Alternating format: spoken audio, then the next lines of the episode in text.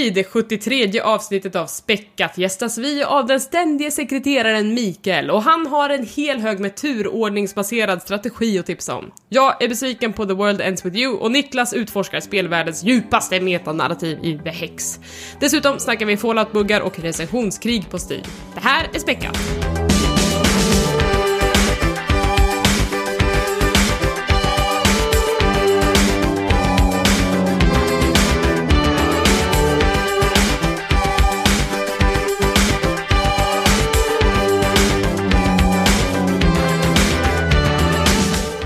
Och välkomna till Späckat, en podcast om spel och allt runt omkring. Det här är avsnitt nummer 73. Jag heter Elisabeth och med mig har jag idag Niklas Hej. och en återkommande gäst, Mikael. Hallå hallå. Hej! Eh, vi är jätteglada att du kunde hoppa in idag Mikael, för vi hade lite problem att få ihop schemat för allihopa. Men du är en sån som ställer upp med väldigt kort varsel och det är vi superglada för. Jag, ser mig som eh, Späckats eh, kanske inte lika coola Batman som ser batsignalen på himlen och direkt ger mig iväg. Vem är din, vem är din Robin i så fall? Ja, ja, ja, jag vet inte. Det får väl bli katten då. Katten, eh, det är bra. Kommer de mjauar lite grann, ett gästspel. Eh, hur eh, mår du Niklas?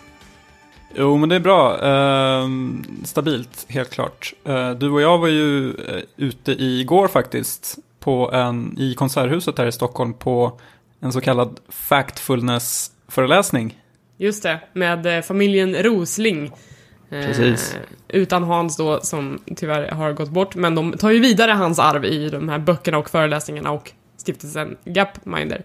Som typ, alltså det de vill prata om nu är liksom folkbildning och hur eh, ignoranta vi är i vissa frågor. Eh, så man fick väl en liten ögonöppnare där och då. Ja, precis. De vill väl liksom eh, minska okunskapen i, i världen och liksom berätta om saker och ting, hur världen funkar på ett så här rappt och underhållande och pedagogiskt sätt. Och det tyckte jag väl att de eh, klarade. Ganska galant. Eh, Alltså det de lyckades med var ju att sälja in boken till mig också. Jag är ju väldigt sugen på att skaffa den nu. Eh, den senaste boken som de har släppt. Ja, i synnerhet eftersom de var ty, ty, liksom tvungna att eh, korta ner sin presentation. Eller de liksom, det var massa slides de inte hann visa. Och då gick de en, drog de ändå över med typ 20 minuter. Så jag fattar inte riktigt hur de hade liksom tänkt sig. De hade inte klockat sin föreläsning innan. Eh, så det är väl kanske lite ett knep då för att man ska läsa boken och få hela helhetsbilden liksom. Ja men precis. Men jag tycker det är kul att gå på föreläsningar med folk som verkligen brinner för det de pratar om. Alltså de har så mycket att säga att det inte finns tillräckligt många slides i hela powerpoint-världen för att, för att täcka allting. Precis. Eh, hur, hur mår du, uh, Micke? Jag mår fin, fint. Jag håller ju på och eh, vältra mig i figurspelens eh, värld här. Eh, Med Warhammer och Kill Team och allt möjligt. Så att jag har ju grottat ner mig ordentligt där. Vi var ju i Göteborg du och jag och eh, då tajmade vi in det så fint för att Games Workshop som då är de som eh, gör det här figurspelet Warhammer. De firade 500 butiker. Eh, att det, det, det var liksom nummer 500 öppnade den dagen. Och dessutom så firade Göteborgsbutiken 15 år tror jag. Ja. Så det var typ tårtkalas när vi kom in där, det var helt sjukt. Vi var där två minuter efter öppning, där stod det rulltårta, saft eh, och jätte, jättemycket folk som var där för att köpa eh, limited edition-figurer och jag vet inte ens alls vad som pågick där, men du var ganska hype. Mm, jag var jättehype. Eh, alltid när eh, en Games Work- Workshop-butik har födelsedag så säljer de då specifika, specifika unika figurer som är limited edition man bara kan köpa på den dagen. Och då hade likadana figurer nu för det här 500 butiksjubileet. Så det såldes då två modeller som inte kommer säljas något mer. Väl, På en butiks födelsedag kanske?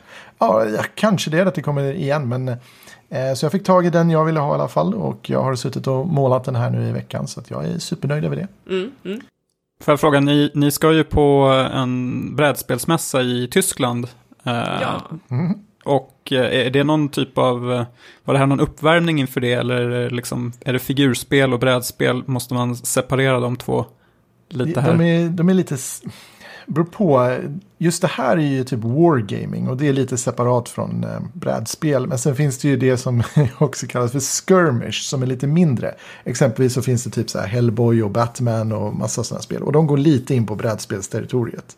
Men, men generellt så kan man väl säga att Warhammer är en helt annan kategori av nördighet jämfört med brädspel, känns det som. Och dels så, så tycker jag att det ger uttryck i hur mycket pengar man lägger ut på det.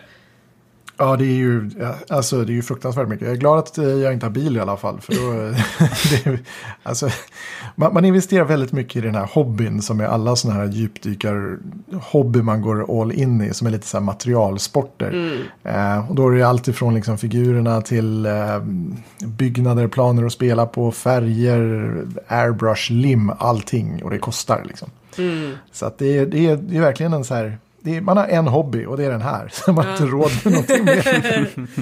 Men, men vi, vi testade också lite andra delar av, av Göteborgs nördliv, för vi var där på liksom en familjegrej och då liksom passade vi på att göra alla de här grejerna. Så vi, vi var faktiskt på Kappa bar och tog tempen på hur den var i Göteborg versus Stockholm och vi kan väl säga att den var exakt likadan. Ja, det var, det var lite bättre layout tyckte jag på själva baren. För de hade mer uppdelat i så här segment. Att så här, här spelar du LAN-spel. Här inne har du VIP-rummet. Här och här. I Kappa Bar i Stockholm är lite så här, då, då är lite utspritt känns det som. Så man får ingen riktigt så här koll på vad som faktiskt går att göra i den här baren. Men, men i övrigt så såg ju drinkmenyn var liksom hyfsat samma, klientelet hyfsat samma. Eh, så det kändes som att komma hem på ett sätt. Mm, du tog en drink där va? Ja, det gjorde jag. Vad var det? Jag minns inte. Alla drinkar hade bara så här skumma nördnamn. Jo, det var en sour please. Eh, med citron och fläder. Jag gillar fläder. Ja, nej men eh, så vi hade en mysig helg i Göteborg. Eh, och sen så har vi då ytterligare en helg framför oss då vi åker till brädspelsmässan i Essen. Essen Spiel! Eh, som är, jag antar, en av de största brädspelsmässorna i världen. Eh, och där de också utser den här fina utnämningen Spiel des Jahres, som är då årets spel, helt enkelt. Vilka ligger bra till i år då? Det har Micke koll på säkert. Ah, det, det brukar ju vara både i olika klasser de har i eh, det här årets spel. Så det kan vara olika åldersgrupper och grejer. Jag är osäker på vilka som ligger, ligger bra till eh, nu. Men eh, jag vet ju att den eh, svenska utvecklaren Fryxelius eh, är där som har gjort Terraform Mars. Eh, är där med sin expansion och är väl med och tävlar kan man säga. Sen vet jag inte, jag har inte så bra, jättebra koll på just de här splitternya spelen. Vi brukar ju mest köpa dem efter de är testade och klara.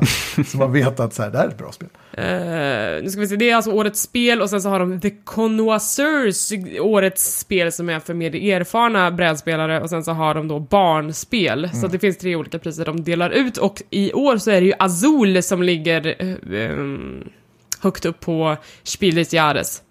Det har väl du lite koll på, Micke? Ja, det är ett spel. Det är, alltså, det är ett spel som är väldigt enkelt för vem som helst att plocka upp. Och det är sådär du kan faktiskt spela med din familj utan att skämmas. för det är lite så här dominoaktigt. Så att jag, jag, jag förstår att det ligger där uppe. För det, det, det är säkert superpopulärt bara att så lägga ner, lägga ut de här färggranna brickorna som ser ut som kakel i något slags eh, hipsterkök. Och sen bara spela liksom. Mm. Men eh, annars så är det inte så många andra jag känner igen bland de här nomineringarna.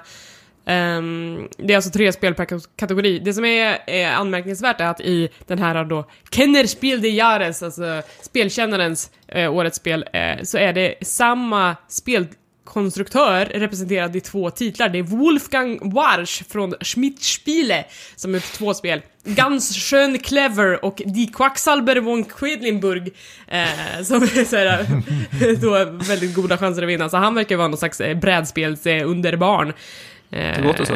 Bra Ja, men kul. Mm, de, de nämner faktiskt Clank också här som en eh, bubblare. Eh, ja, nej, men det blir kul att se vad det är som vinner och så kan vi väl förhoppningsvis försöka testa på eh, de nominerade, eller vinnaren också för den delen. Mm. Vi får återkomma nästa vecka med eh, en rapport ifrån Essen.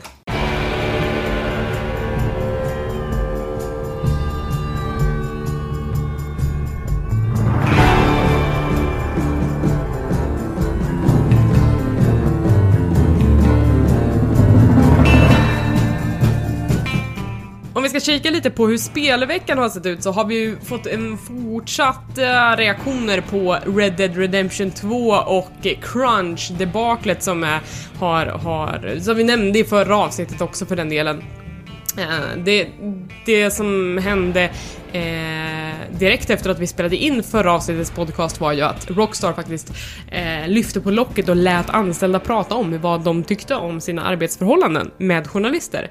Eh, vilket några tog tillfället i akt och gjorde och eh, sa att allting är kanon på Rockstar. Det är svinbra, det är inte lika mycket crunch som förut och det är verkligen inte några hundra timmars veckor det handlar om, utan bara 60 timmar. Eh, så det är ju det är fortfarande eh, mycket jobb. Och sen nu precis innan vi slog på inspelningsknappen nu så har ju Jason Schreier på Kotaku precis publicerat sitt stora gräv om eh, Rockstars spelkultur. Eh, du Niklas har ju hunnit börja läsa lite grann på den men vi hann inte liksom ta oss igenom alla de här berättelserna. Nej, det är en mindre novell kan vi konstatera här. Eh, mm. Säkert väldigt välskrivet och eh, kanske insiktsfullt. Det, lär ju vara mm. det är ju många som då har uttalat sig lite anonymt då till honom och berättat kanske hur det verkligen ligger till. 30 stycken nuvarande anställda och typ 40 före detta anställda som, som han då har samlat ihop berättelser av. Ja, precis. Så det kanske ger liksom en hyfsat rättvis bild av hur det ser ut. För även om, visst, det ser väl bra ut då liksom att Rockstar säger att eh, deras anställda får eh, liksom uttala sig på sociala medier så vet jag vet inte om jag skulle liksom säga eh, om jag ville ha jobbet kvar att jag tyckte att det här att det är förjäkligt. Nej, precis. Att jobba här. Jag skulle nog ligga ganska lågt. Jag läste lite i ingressen också att, att, att, eh, de som har kommit ut och pratat om det här pratar om att det finns någon slags culture of fear, det vill säga att jag eh, jobbar länge för att jag är rädd för att vad som händer om jag inte gör det. Och ja, kanske likadant att, att, jag, att jag inte går ut och berättar hur dåligt det är för jag vet inte vad som händer om, om, jag, om jag gör det liksom. Eh, men jag tänker du Micke som, som kommer från både reklam och mediebranschen som också är branscher som historiskt sett har haft lite samma problem, unga branscher liksom, mm. med hungriga människor. Eh, är det skillnad på spelbranschen och eh, teknik eller media? Jag tror det. Alltså det här är, jag gillar den här fear-grejen. För det bara får man direkt tänka på Percy Neil igår. Det är han bara, jag vill köra lite management by fear. ja, det är Hauserbröderna i ett nötskal. ja. Nej, alltså jag, jag, förstår ju alltså, anställda där. För att alltså, är man på en av de största och hetaste bolagen. Det är precis som att i IT eller reklambranschen om man skulle jobba på typ en av de hetaste reklambyråerna. Så här DDB eller om man skulle jobba på Google eller någonting liknande. Du riskerar ju inte ditt jobb. Det gör du inte. Nej. Det är därför det finns sådana sajter som exempelvis Glassdoor. Där du kan lägga in anonyma berättelser och liksom recensioner inom citationstecken. Så att jag, jag, jag, tror ju att det är, sitter man på den positionen, det är nog jäkligt rädd att börja skvallra och säga att så här, ja men det var skitjobbigt, vi jobbade 100 timmar i en månad, men nu är det jättebra.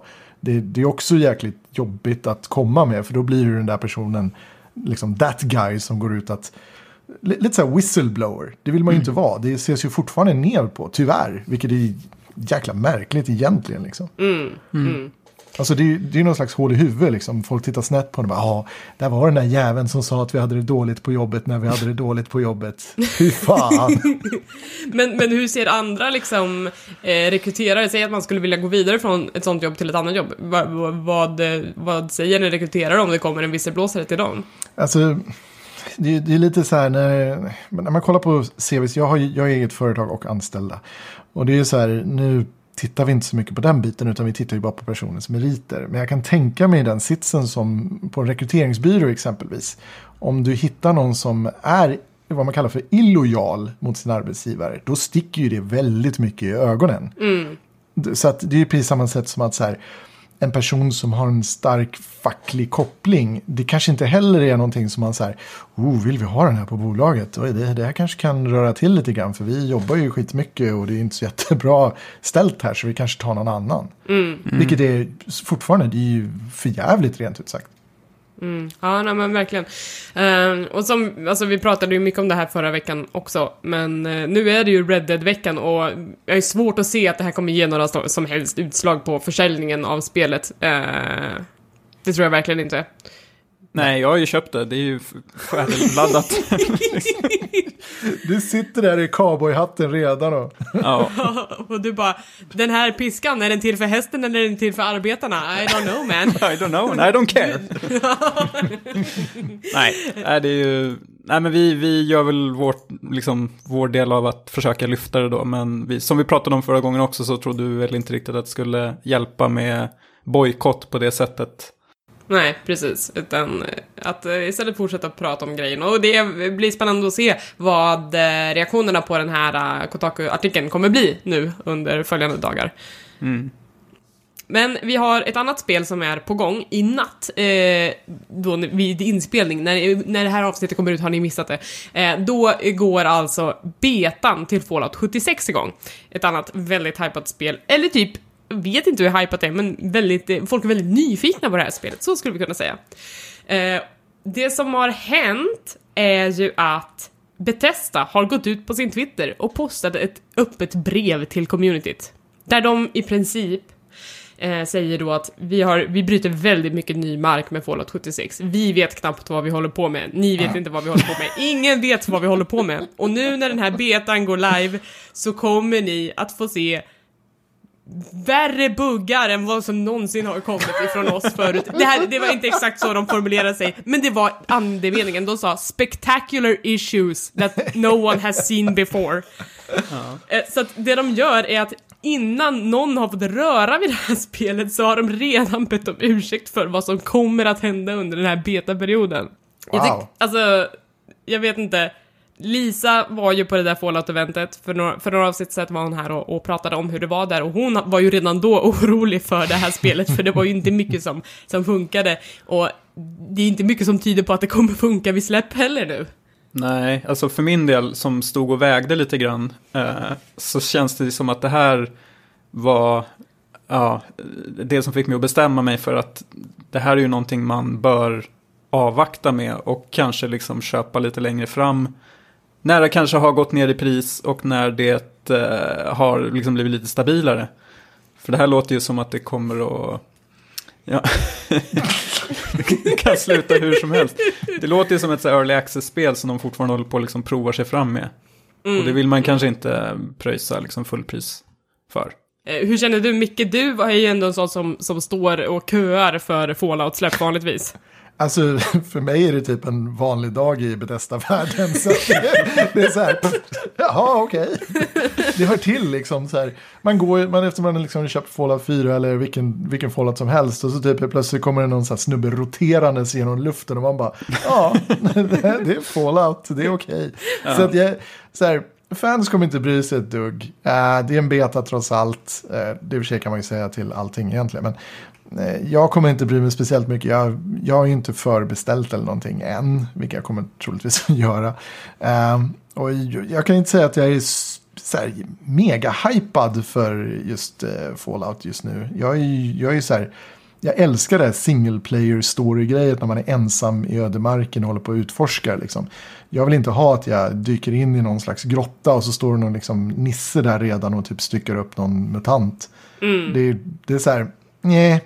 Utan jag vill ha mitt så här ensam mot vildmarken. Liksom. Men, men, eh, men du blir inte heller orolig alltså? Inte hype, men inte heller orolig? Nej, alltså fortfarande, det, det är Bethesda vi pratar om här. Så jag, jag räknar med att det här kommer vara ett, ett levande helvete för betatestarna de första dagarna. Det kommer vara servrar som kraschar, det kommer vara explosioner överallt, det kommer vara items som försvinner i inventoriet. Så att det... Pff, nej. Ja, gud. Det känns som att det kommer bli en eh, grötig betaperiod här alltså. Men jag tror de kommer vinna ganska mycket i, i PR. För det kommer finnas mycket YouTube-videos med de här konstiga grejerna som händer. Ja, nej, men det kan jag tänka mig. Men är det bra PR? Är all PR bra PR? Eh, nej, det är det inte. Men för Fallout så ja, absolut. För jag tänker ändå att man kan alltid skylla på att det är The Wasteland. Weird Vad- shit will happen. Vad som helst kan hända där.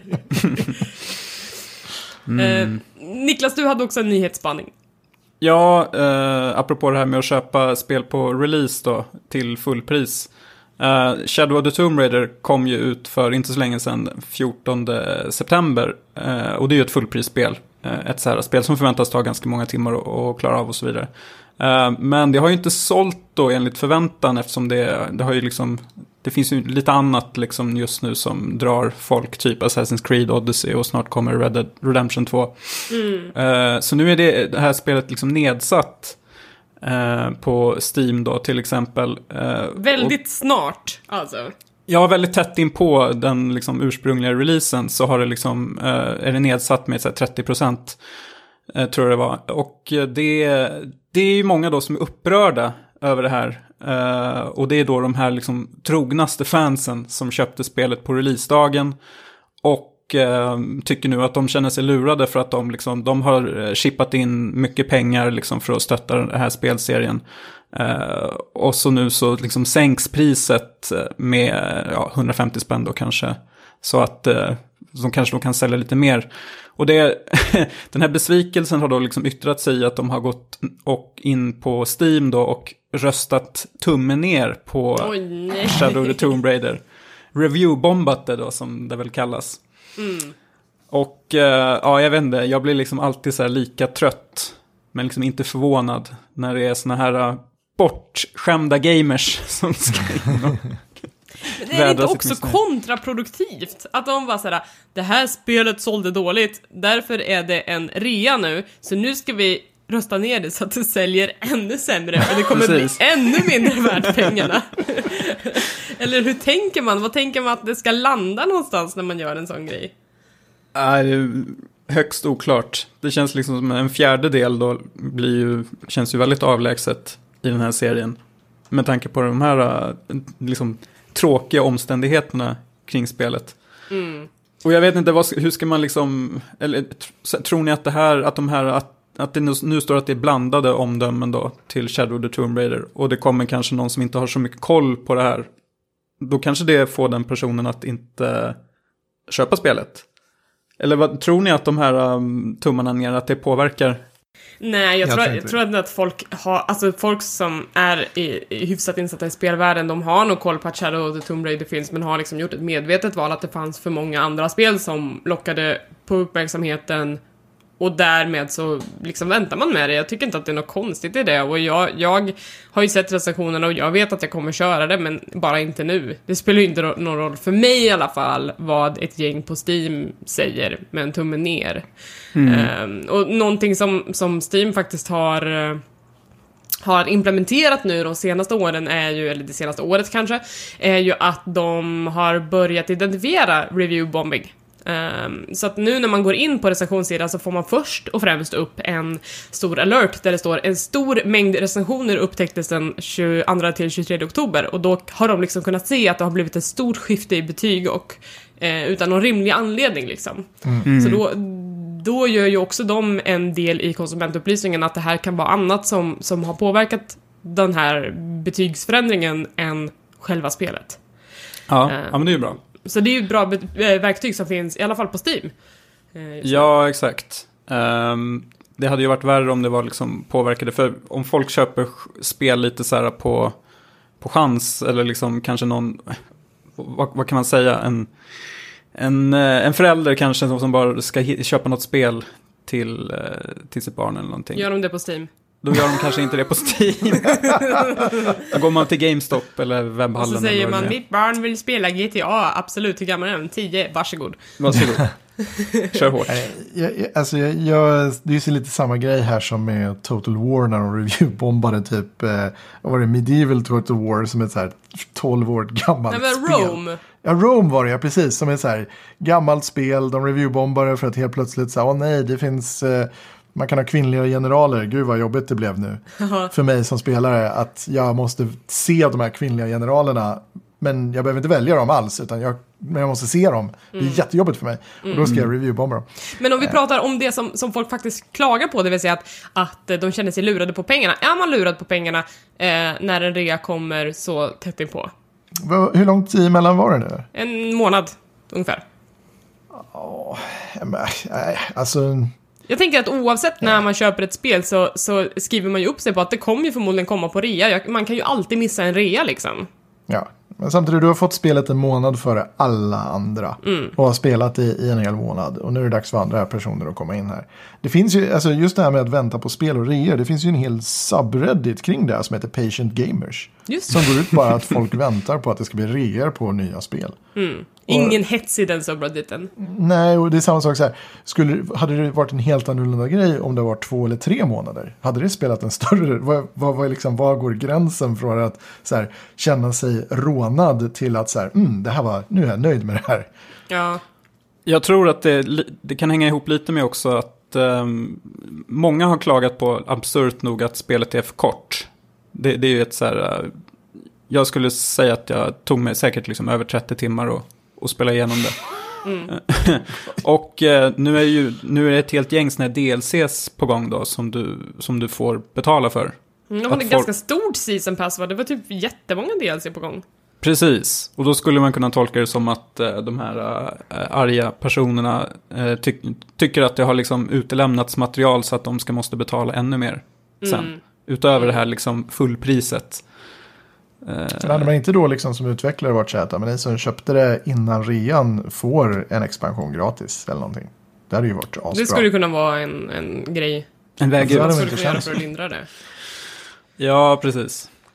Men som sagt, jag tycker inte att de behöver skämmas. Nej, Eh, alltså man ska inte be om ursäkt för det. Jag tänker också att du som betalar 70 dollar, eller vad det nu kan vara, för ett spel, då gör man ju det för att man vill spela det först, man vill stötta spelutvecklaren, för det är ju det man gör när man, när man ger dem pengar liksom. Eh, Ja. Och sen så får man ju liksom också, jag tänker, jag personligen, om jag skulle se det, att det här hände mig, Ja men har det inte sålt tillräckligt bra så har det inte sålt tillräckligt bra. Om jag tycker att det är ett skitbra spel men sen känner mig lurad på det. Eh, då, och det här är det enda sättet att vi kanske kan få en uppföljare, att det kan bli mer spel. Bara att vi säljer någonting mer. Då, då får det väl vara värt det liksom. ja. Jag tycker på hela grejen är så här superkonstigt. För att om jag köper spelen på Steam och så upptäcker jag att någon annan säljer dem för 5 dollar billigare. Inte fan går jag och röstar ner det på Steam och bara nej, det här personen köpte det här billigare än vad jag gjorde. Nu jävlar blir det dåligt betyg här. Alltså hela det här tankesättet med att så här, jag kontra andra och vad de betalar för ett spel är ju konstigt liksom. Det är väldigt konstigt. Mm, mm, mm. Ja, nej, eh, ska vi, vad, vad är summa summarum av det, av det här löjligt? Köpt eh, Shadow the Tomb Raider på rea. Passa på. Precis. Men, men eh, nej, nej, nej, vänta till jul för då blir det ännu mer rea. ah, smart.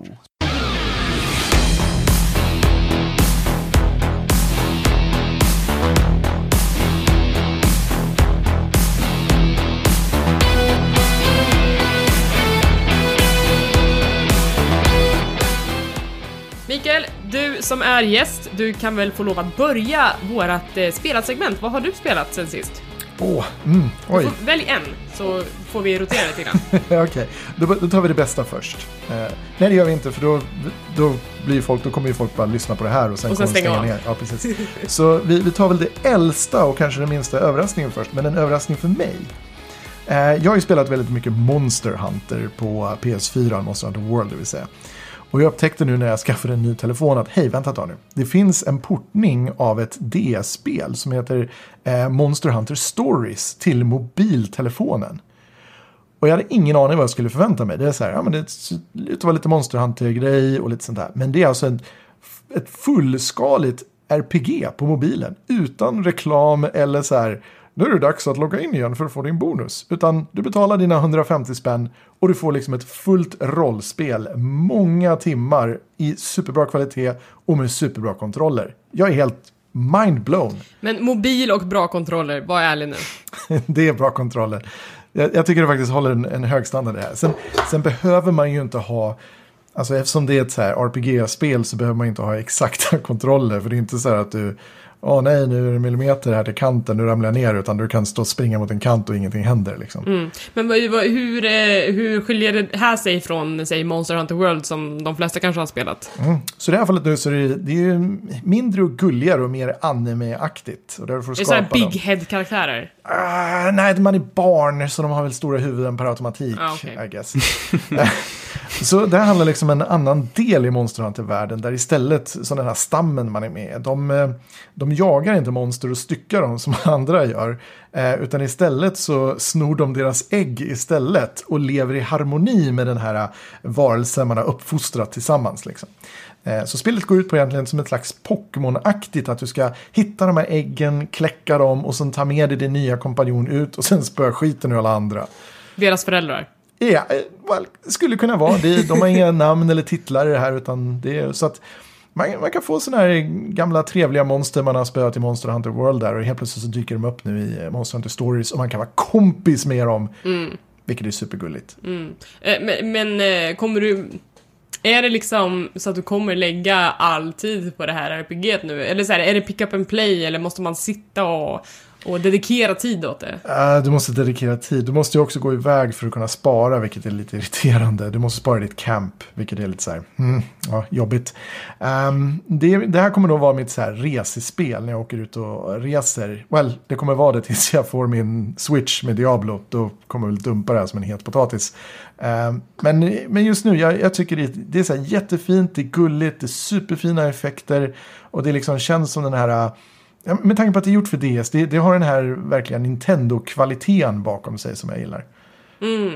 Mm. Så att det re rekommenderas starkt om du sitter på mobiltelefon och behöver ett 40 timmars fullskaligt RPG att spela på den. Och gillar Monster Hunter. Ja, yeah, det också. Ja, bra tips. Mm. Ska jag fortsätta på mobilspelsfronten då? Jag fick en rekommendation av min kollega Angelica om ett mobilspel som heter Blackbar som jag tror inte är nytt på något sätt. Eh, men jag hade aldrig hört talas om det förut och hon sa det här måste man spela om man har någon slags intresse av textklur, kan man säga. V vad är textklur? Ja, men du klurar och det är textbaserat. Sudoku? Nej, det är nummerbaserat. Kanske det. Eh, men, men det här är i alla fall, i Blackbar så får du en serie korrespondens. Eh, men i, i, eftersom det här utspelar sig i någon slags eh, fiktiv totalitär stat med komplett 1984-censur av, av alla meddelanden så, så får du de här breven, men de har sådana här blackbars i sig, det vill säga att de är överstrukna med sån här svart eh. Så att vissa ord får man helt enkelt inte skriva. Så att eh, pusslet i det här spelet går ut på att du ska försöka gissa vad som gömmer sig bakom de här eh, eh bakom de här överstrykningarna. Och eh, det är ganska kort, men det var förvånansvärt så här bra, klurigt. Vissa grejer behövde jag faktiskt lite hjälp med. Eh, men, men det blir klurigare och klurigare samtidigt som en historia om den här eh, karaktären som, som skriver breven till dig eh, vecklar ut sig. Ehm, Men hur så... Eh, chansar man bara liksom vad det står eller får man några ledtrådar? Nej, du får inga ledtrådar alls utan du får ju sätta det i sin kontext. Um, men, men, skriver man då på tangentbordet? Ja, eller? du skriver i, du oh. fyller i orden liksom med, med bokstäver. Så att det, uh, det kan vara så här, uh, ja men jag har fått en ny lägenhet, den är, den är väldigt men, men mysig.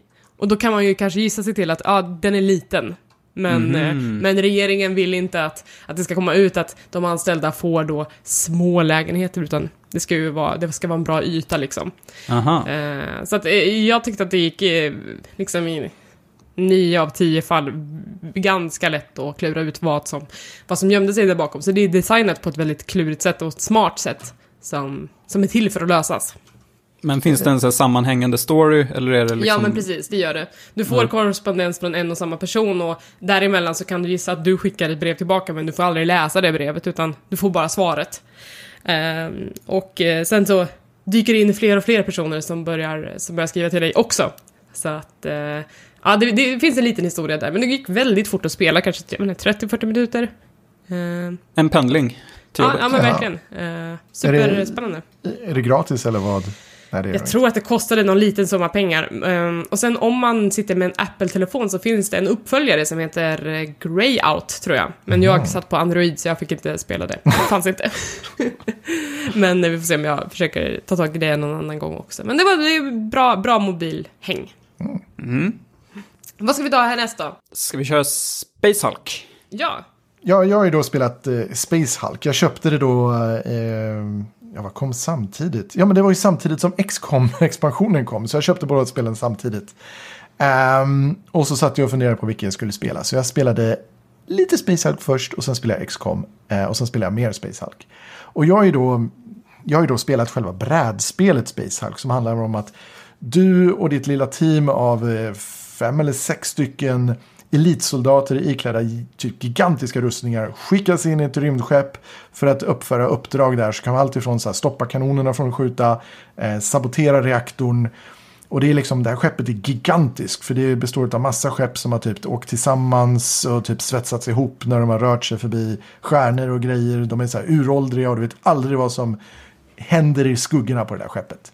Och det här spelet är då ett eh, så här, tactical uh, turn-based uh, shooter.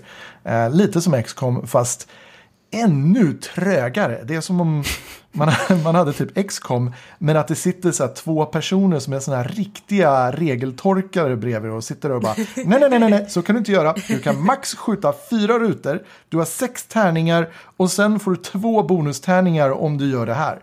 Typ så. Och så gäller det att hela tiden tänka på så här okej, de här monstren som finns där, vart kan de komma ifrån? Finns det några blips på kartan? Lite som aliens, det är ett blips som finns.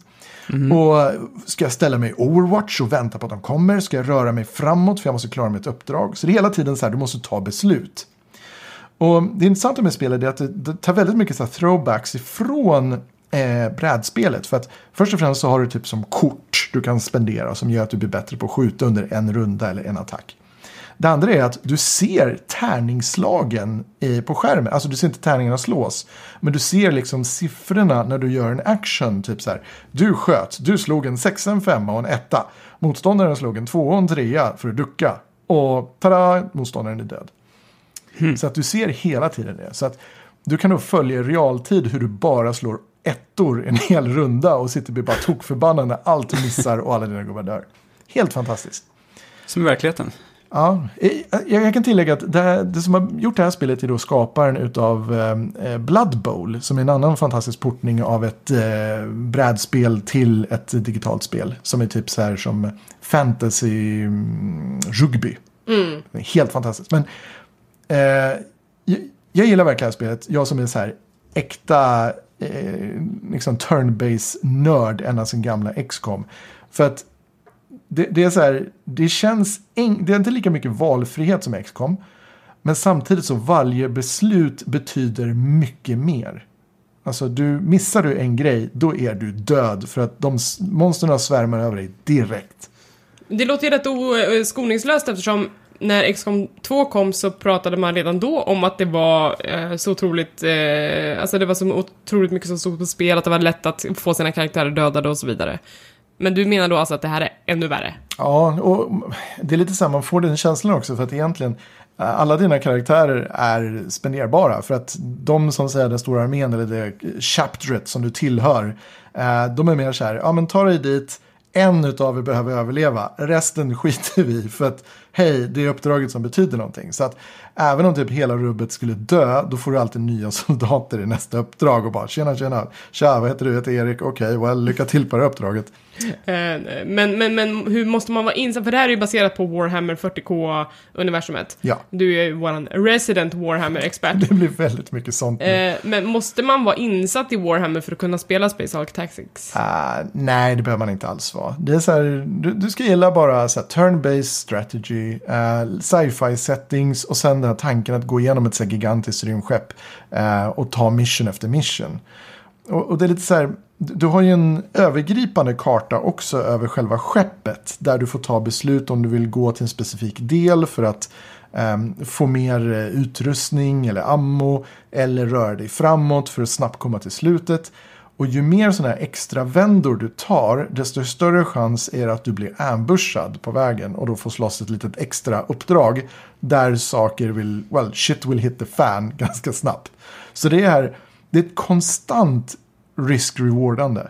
Mm. Uh, vilket jag verkligen gillar. Och jag gillar verkligen också att alla är expandable. För att i XCOM då blir det så här, dör en, jag save-skummar direkt om jag kör en vanlig playthrough. Då bara så här, nej nu laddar jag det här. Den här personen får inte dö, det var min favorit. um, ja, alltså jag har gjort vänner också till karaktärer i XCOM. Men i det här, det är bara, nej nu dog tre stycken, det är fine, jag klarade uppdraget. För att jag är inte liksom, jag har inga favoriter där. För alla heter bara så här, Brother Danius, Brother Tycho, Brother någonting. Och de bara, For the Emperor, och så dör de. Och så är det fine. För de gjorde deras jobb liksom.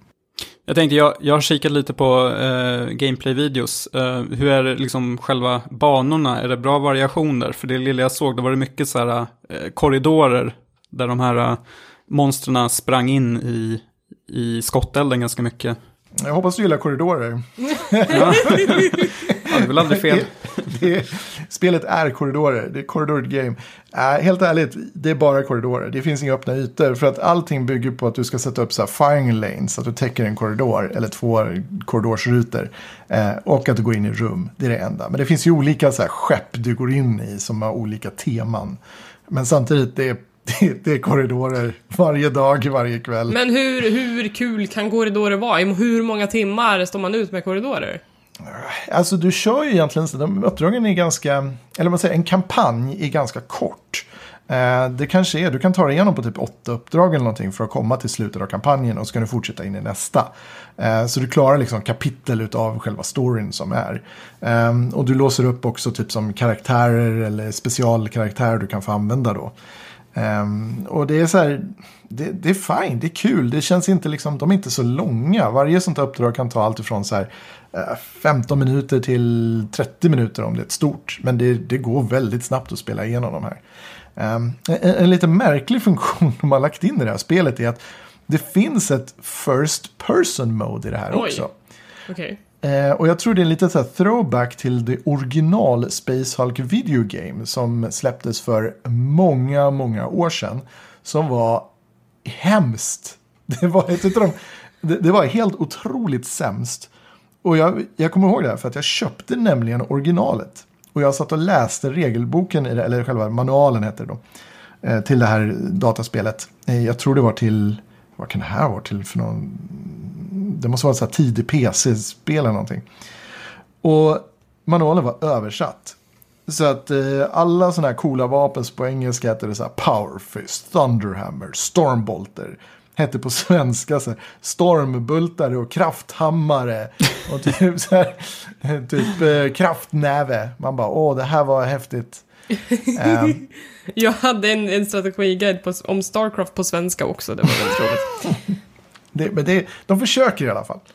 Uh, men alltså fortfarande, jag, jag gillar det här. Uh, och är man verkligen sån här som gillar turn-based strategies och Warhammer och kanske har spelat spelet, brädspelet, det är bara att skaffa. Det är, jag, jag tycker det är suveränt eh, portning utav det här. Och jag mm. gillar det. Men som sagt, förvänta dig en hel del rage quits i, i den här kampanjen. Rage quits och korridorer. Uh, en, en, fråga bara, är det, om jag som, jag är ju XCOM-fantast. Mm. Uh, om jag ska välja mellan det här och uh, Battletech som kom tidigare år, vilket känns mest lämpat? Ja, oh, Battletech varje dag. Ja, det är nog det som jag lutar åt. Alltså jag spelade ju bara några timmar Battletech, men jag, jag, är superkär i det spelet. Jag har bara inte haft tid att spela klart kampanjen. Men, men det var verkligen suveränt bara efter de fem timmarna mm. jag körde. För det var väl lite samma med så här, typ tröga eh, mex. Mm, men det har de ju uppdaterat nu. De har ju eh, patchat in så att du kan speeda upp kombaten. Så att det som var det största irritationsmomentet är ju i princip borta nu. Jaha. Mm. Det, de har löst väldigt mycket där, men samtidigt, det, det är ju mer närmare vad XCOM är. Space Hulk är inte XCOM alls. Det är som du spelar XCOM i korridorer. Korridor the game, alltså. Mm, ja. ja, ja. Mm. Vi har eh, fler spel att prata om. Undrar om jag ska sticka emellan med ett litet spel, vilket bara är en, alltså en superliten parentes. Eh, och det är att jag har spelat The World Ends With You Final Remix i bara ett par timmar. Eh, jag har ju hypat den här remastern ganska mycket. The World Ends With You kom 2007 till Nintendo DS eh, och slog eh, omkull hela mitt liv. Den gjorde saker med 3DSen som konsol som var helt fantastiskt och eh, alldeles klockrent. Och nu när man försöker porta det till Nintendo Switch så blir det inte riktigt lika bra. Tyvärr. De, alltså, det är svårt att översätta eh, det som en stylus och dubbla skärmar gjorde då eh, till något som är lika rappt och eh, precis nu.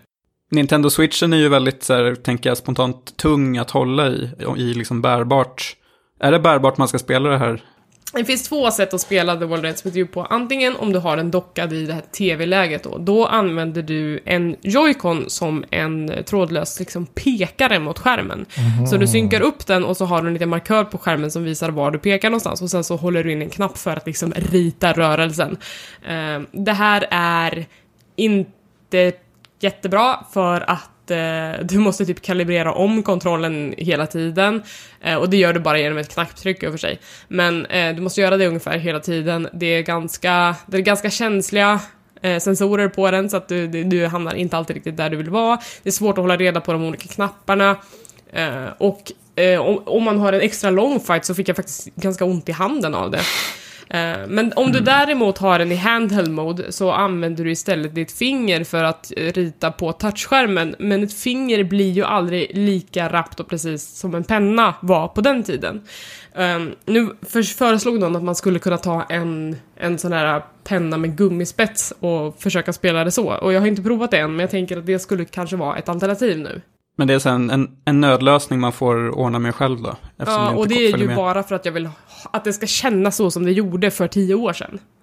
Ja. Ehm, Finns det ingen så här, switch stylus? Inte officiell tror jag. Kanske att det finns någon eh, off-brand-variant, det tror jag. Ja, det finns ju de här, vad heter de här tillverkarna som typ släpper allt till allting. Så här Mad Cats eller någonting sånt där. Men de kanske Mad. Cats har väl konkat? Jag kom på det också.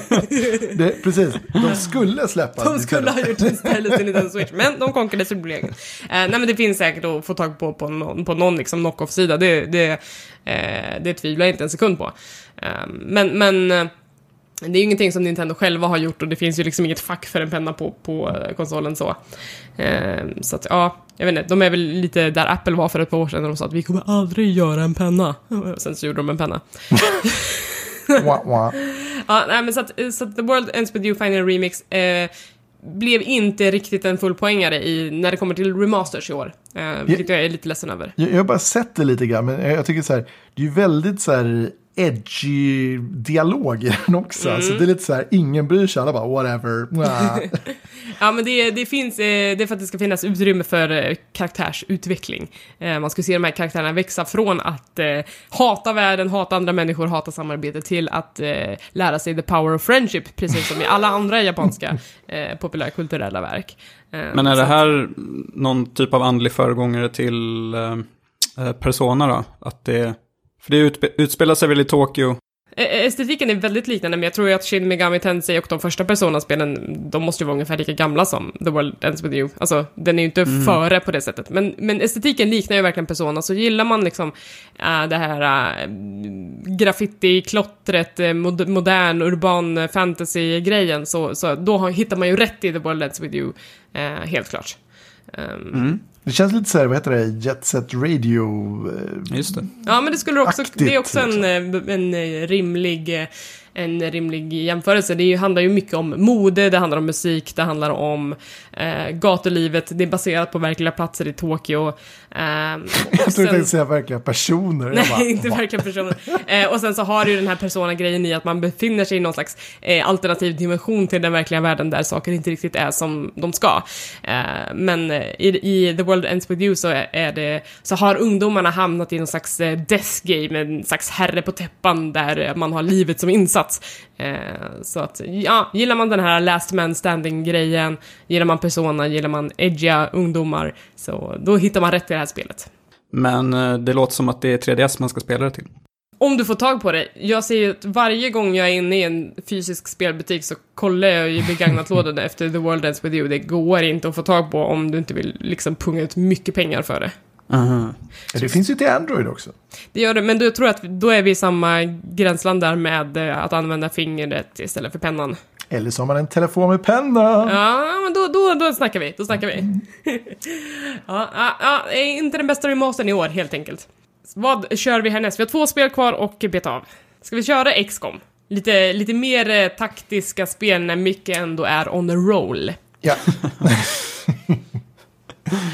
All right. Eh, så ehm, jag berättade ju tidigare att jag i samma veva som jag köpte eh, Space Hulk Tactics så köpte jag ju, eller köpte, jag laddade ju ner expansionen till eh, XCOM 2 War of the Chosen Tactical Legacy Pack. Huh, långt, långt. Dålig titel, extremt dålig titel. Så eh, det, det här är lite grann... eh, Så det här är då spelutvecklarna till XCOM War of the Chosen och XCOM då är, ja, vad kan man säga, remaken. Eh, vilka är det? Firaxis som har gjort det va? Ja, det är det. Eh, som då släpper ett gratispack till alla som redan har spelet och alla som inte har det får ju då köpa det såklart. Ehm, eller det medföljer då man köper det. Vilket eh, ska knyta ihop då original, X, eller rättare sagt den första remaken av XCOM med XCOM 2. Ehm, och det, det görs på ett ganska, ett ganska smart sätt som också flörtar med um, alla de här riktiga old school, old school fansen till originalserien XCOM UFO Defense. Eh, genom, nu, nu blir det mycket här.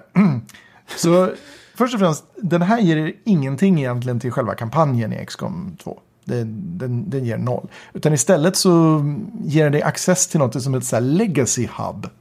Vilket egentligen är ehm, fem stycken tror jag storylines du spelar igenom med liksom redan förberedda soldater. Så du behöver inte optimera någonting.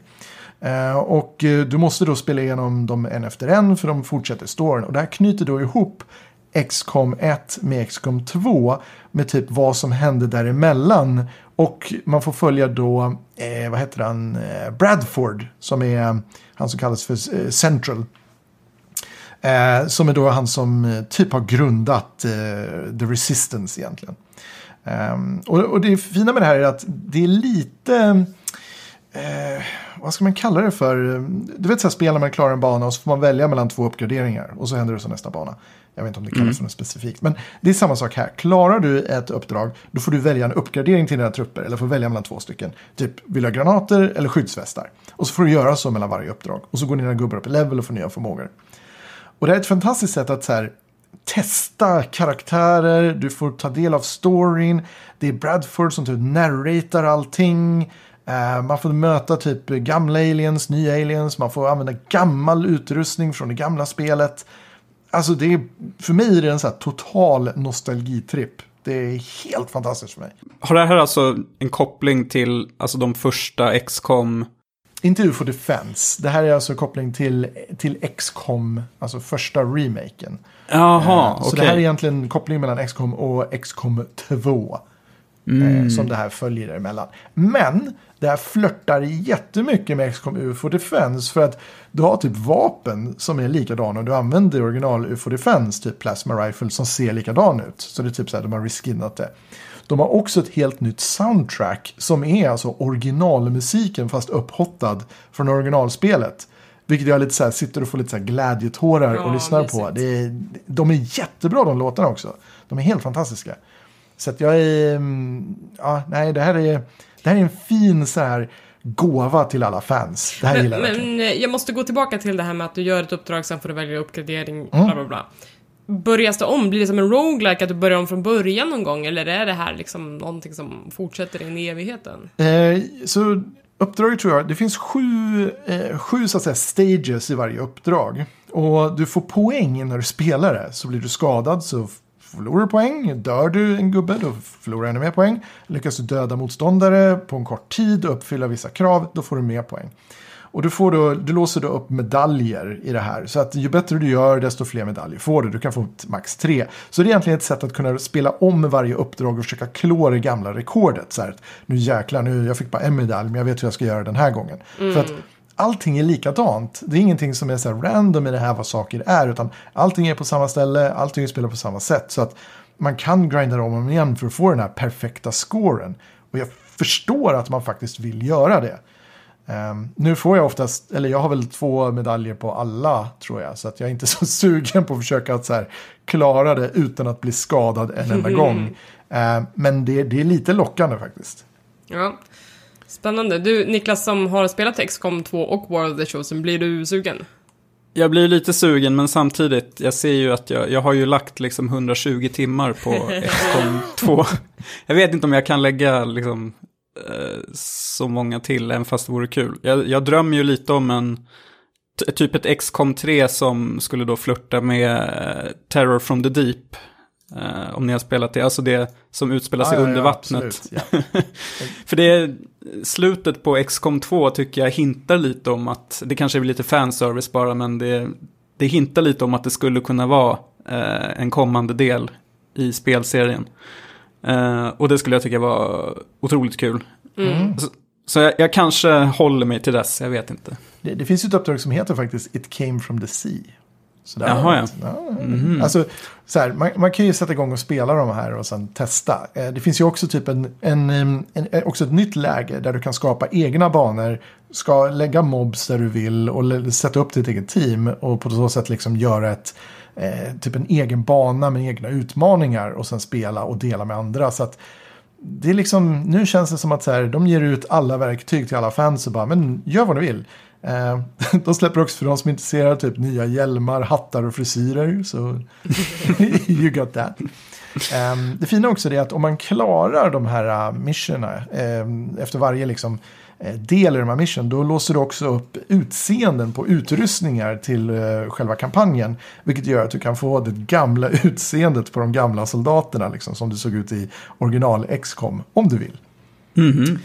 Jag tror inte det påverkar spelet speciellt mycket utan det är snarare bara kosmetiska förändringar. Men som sagt, jag tycker så att om man har ett spel på gång och vill göra ett så här, nu går vi in till XCOM 3 eller nu gör vi nästa generation av det här, så det här är ett perfekt sätt, sätt att liksom belöna fansen och säga liksom tack, tack, tack för det här. Det här var för lång och trogen tjänst, varsågod. Ja, ja det, jag, jag, jag gillar det. Det är, det är få liksom utvecklare som håller spel vid liv och gör sådana fina grejer bara för att liksom belönar och samtidigt så här, det är gratis. Det är, alltså för mig som äger allt det här, jag blir jättefint. Det är kanske det, vad heter det, utvecklarna till Tom Brady ska göra. De bara, här, varsågod. Ni som ja, ägde det här från början. Ni får det här gratis. ja, fast, ja. fast XCOM behöver man inte ens vara argt på för att få belöningar.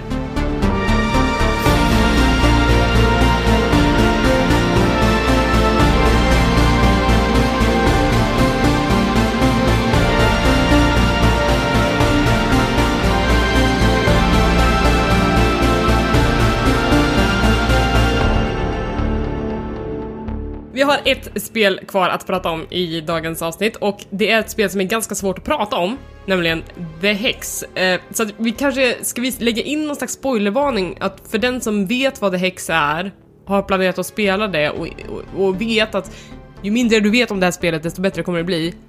Så kanske det är dags att avvika nu, vad säger du Niklas? Ja, det är väl smart. Um, men samtidigt så försöker vi ju såklart att inte Nej, vi kommer, vi kommer ju inte liksom förstöra spelet, men det, det, känns som att vissa grejer måste man kunna prata om lite, lite grann ändå. Ja, men precis. Men om du är du ute efter överraskningen i Daniel Mullins senaste spel så, så skippa resten av avsnittet så hörs vi nästa vecka istället. Niklas, vill du försöka förklara vad The Hex är för någonting? Ja, i, i korthet då så eh, börjar vi i The Hex på en, en bar, eller ett, liksom ett gammalt hotell, eh, där eh, de besökarna eller liksom de som bor där, det, är, det består lite av sådana här gamla tv-spelsstereotyper. Skulle man kunna säga. Man har liksom en så här plattformshjälte, eh, en sån här beat em up fighter, eh, en Space Marine från Space Hulk kanske. Oh yeah.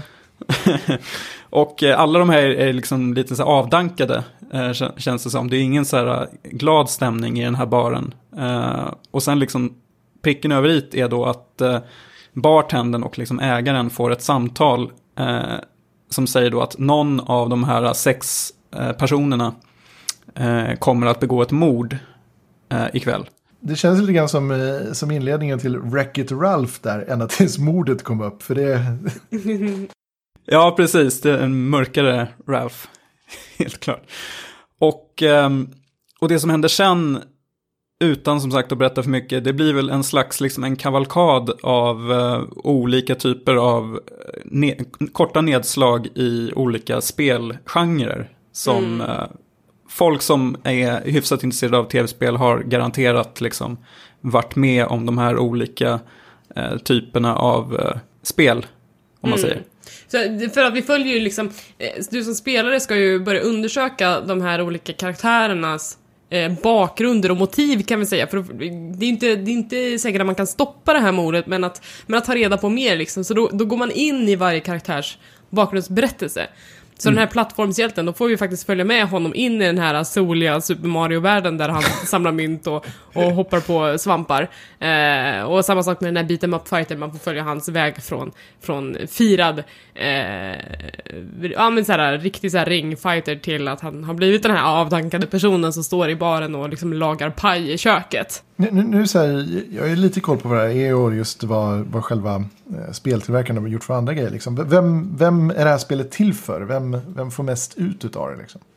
Ja, um, om man säger så här. Det, de, det är ju lite samma grepp som i Pony Island. Som var ju dels liksom, det är en sån här liksom spel, en satir över spelvärlden lite. Och att man drev en hel del med så här spelkonventioner och sånt som man vid det här laget liksom tar för givet att ett spel ska innehålla. Men kanske man inte ifrågasätter så mycket. Uh, och också med väldigt liksom så här mörk humor. Det är ju väldigt så här eh, makabert bitvis. Eh, med de här gulliga figurerna som liksom råkar ut för eh, en hel del hemska saker.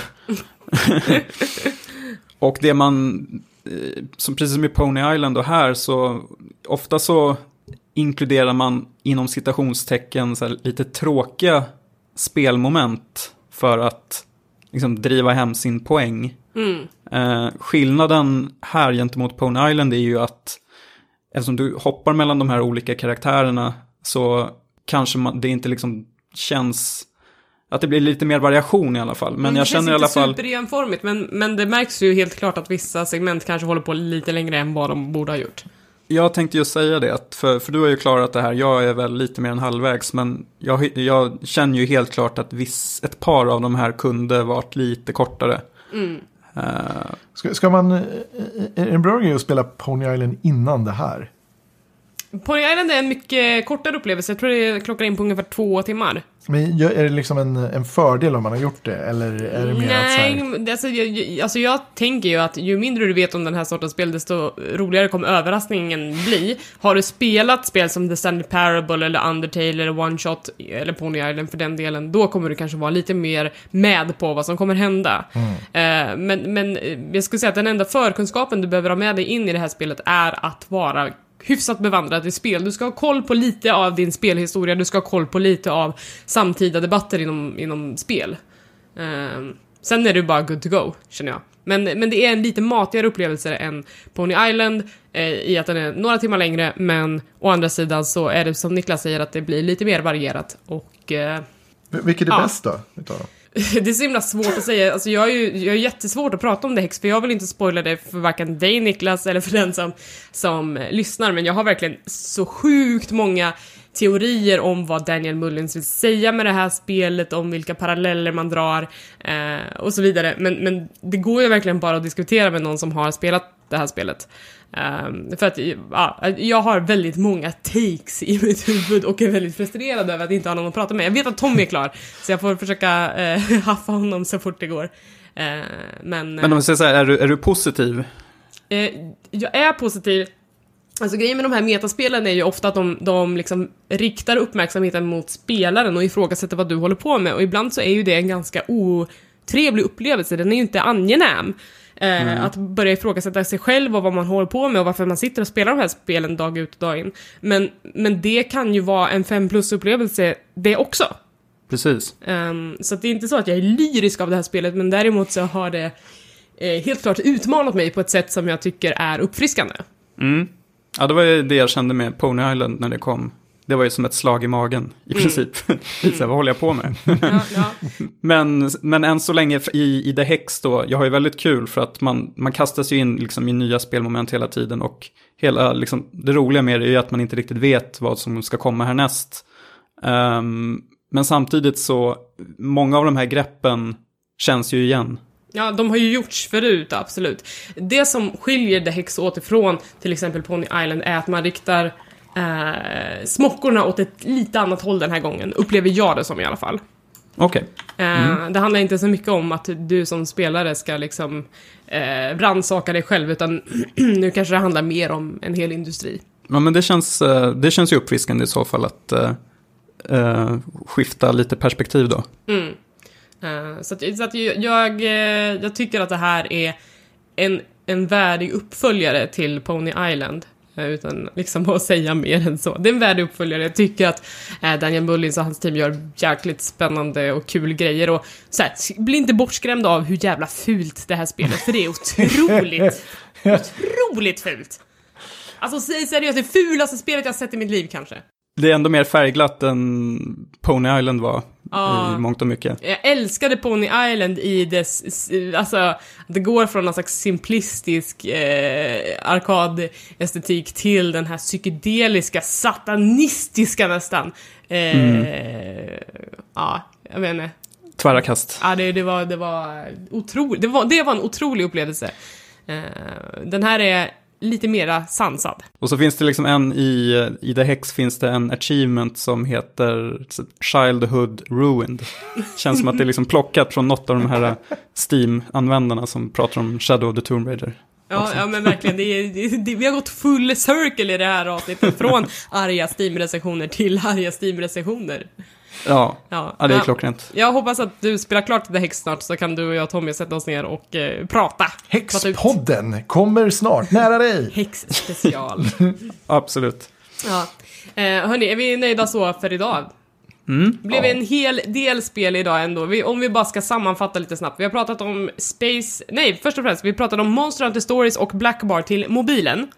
Därefter Space Hulk Tactics som finns till PC, PS4, Xbox One. Japp. Eh, The World Ends With You Final Remix som är en Nintendo Switch-titel. och sen XCOM 2 Tactical Legacy Pack som kommer till PC. Japp.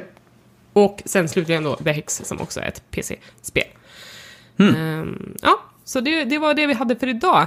Ehm, du som lyssnar, har du frågor, funderingar eller någonting annat? Skriv till oss som vanligt, speckatpodcast.gmail.com, späckat på Twitter, speckatpodd på Instagram.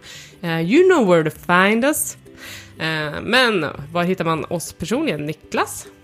Ja, Niklas Lundqvist Twitter och OneLess Niklas Instagram. Mikael, du, dig ska man ju vända sig till om man har frågor om taktiska spel, så vart, vart hör man av sig då? Ja, taktiska spel eller Warhammer eller Kill Team eller andra sådana figurspel. Jag finns på Twitter på @marvinmega eller på Instagram på @marvinsminiatures. Just det. Eh, jag heter Hangry Eli på Twitter och Jag heter Hangry Eli på Twitter och at Hangry Spice på Instagram. Hörru, eh, Mikael, tack så mycket för att du kunde hoppa in i dagens avsnitt. Mm, tack själv. Och tack Niklas för en härlig pratstund. Tack ska du ha. Och tack till dig som har lyssnat för att vi fick låna dina öron i eh, den här lilla timmen. Ha det så himla fint hörni. Hej då. Hej då! Tagga Red Dead Redemption 2!